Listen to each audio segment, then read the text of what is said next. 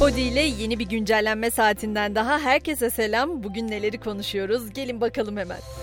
Bir hafta içinde tam 3 kez felaket tellallığı yapmış olabilirim ama bu kez iyi haberle geldim. Bir hafta içinde 3 kez zam gören motorine çünkü bu kez indirim geliyor. Bu gece yarısından itibaren geçerli olmak üzere motorinde 2 lira 13 kuruş indirim bekleniyor.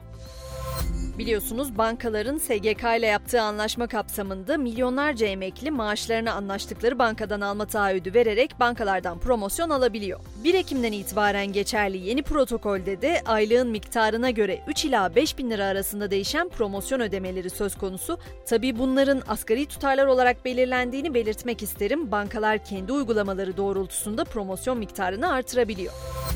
Şimdi bu tabiri daha önce duydunuz mu bilmiyorum ama size cep telefonu turizminden bahsedeceğim. Cep telefonunda vergi oranı, taksit sınırı ve yurt dışı ile açılan fiyat makası alternatif yollardan tedariki patlattı. Artık yurt dışına cep telefonu alma turları düzenleniyor. E sonra pasaport kaydı sorunu olmasın diye endişe edenler için de Yunan adaları, Kuzey Kıbrıs ve Gürcistan gibi ülkelere giriş çıkışlarda da rekor kırıldığını hatırlatalım. Biraz da doğadan söz edelim. Malum doğayı korumak için plastikle mücadele gittikçe ilginç bir hal almaya başladı. Biz karton pipetlerle dünyayı kurtarabileceğimizi düşünmeye başlamıştık aslında ama bilim plastiği tükürükle yok etmeyi düşünüyor. Doğru duydunuz. Bilim insanları bal mumu solucanının tükürüğünün plastiği hızla parçaladığını tespit etti. İddia enzimin bir plastik türü olan polietileni oda sıcaklığında saatler içinde yok ettiği yönünde. Polietilenin doğada yok olma süresi ise tam 400 yıl. Ukrayna-Rusya savaşı ile birlikte biliyorsunuz enerji alanında bazı sorunlar patlak verdi. Avrupa'da enerji krizi konuşuluyor.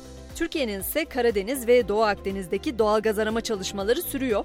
Karadeniz'den yeni doğal gaz rezervi müjdesi var. Açıklama Cumhurbaşkanı Sözcüsü Kalın'dan. Kalın Karadeniz'de muhtemelen kapasite artırımı olacak dedi. Yeni rezerv yukarı doğru güncellenecek ifadesini kullandı. Fransa'da ise hükümet petrol şirketleri çalışanlarının grevine müdahale etti. İş bırakanların bir kısmının göreve dönmesi için zorla işe başlatma prosedürü devreye sokuldu. İngiltere Kraliyetinden ayrılarak Amerika'ya taşınan Prens Harry ve Meghan Markle'ın yardımseverliği ödülle tescillendi. Ünlü çift Robert Kennedy İnsan Hakları adlı dernek tarafından Umut Dalgası ödülüne layık görüldü. Çiftle aynı ödülü alanlar arasında Ukrayna lideri Zelenski de var.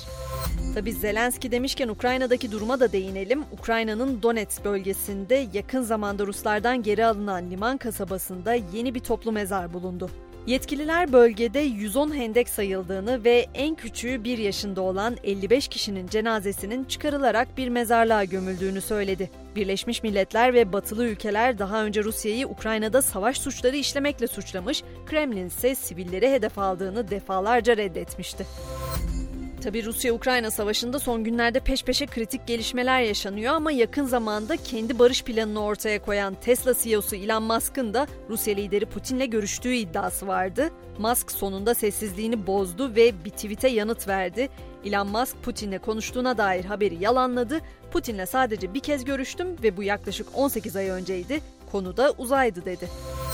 Uzay demişken NASA'da 27 Eylül'de gerçekleştirdiği bir asteroidin yolunu saptırma girişiminin başarılı olduğunu duyurdu. Asteroidin yörünge hızının değiştiği açıklandı. Üstelik NASA mühendisleri değişimi 73 saniye olarak hesaplamıştı ama çarpışma sonrası veriler yörüngedeki değişimin 25 kat daha fazla olduğunu ortaya çıkardı. Yani diyebiliriz ki NASA'nın DART misyonu hedefini aştı. Spor severleri unuttum sanılmasın. Beşiktaş, Fenerbahçe, Galatasaray ve Trabzonspor'un toplam borçları ağızları açık bıraktı. Türkiye'nin dört büyük kulübünün sadece futbol branşlarının toplam borcu 20,7 milyar liraya ulaştı.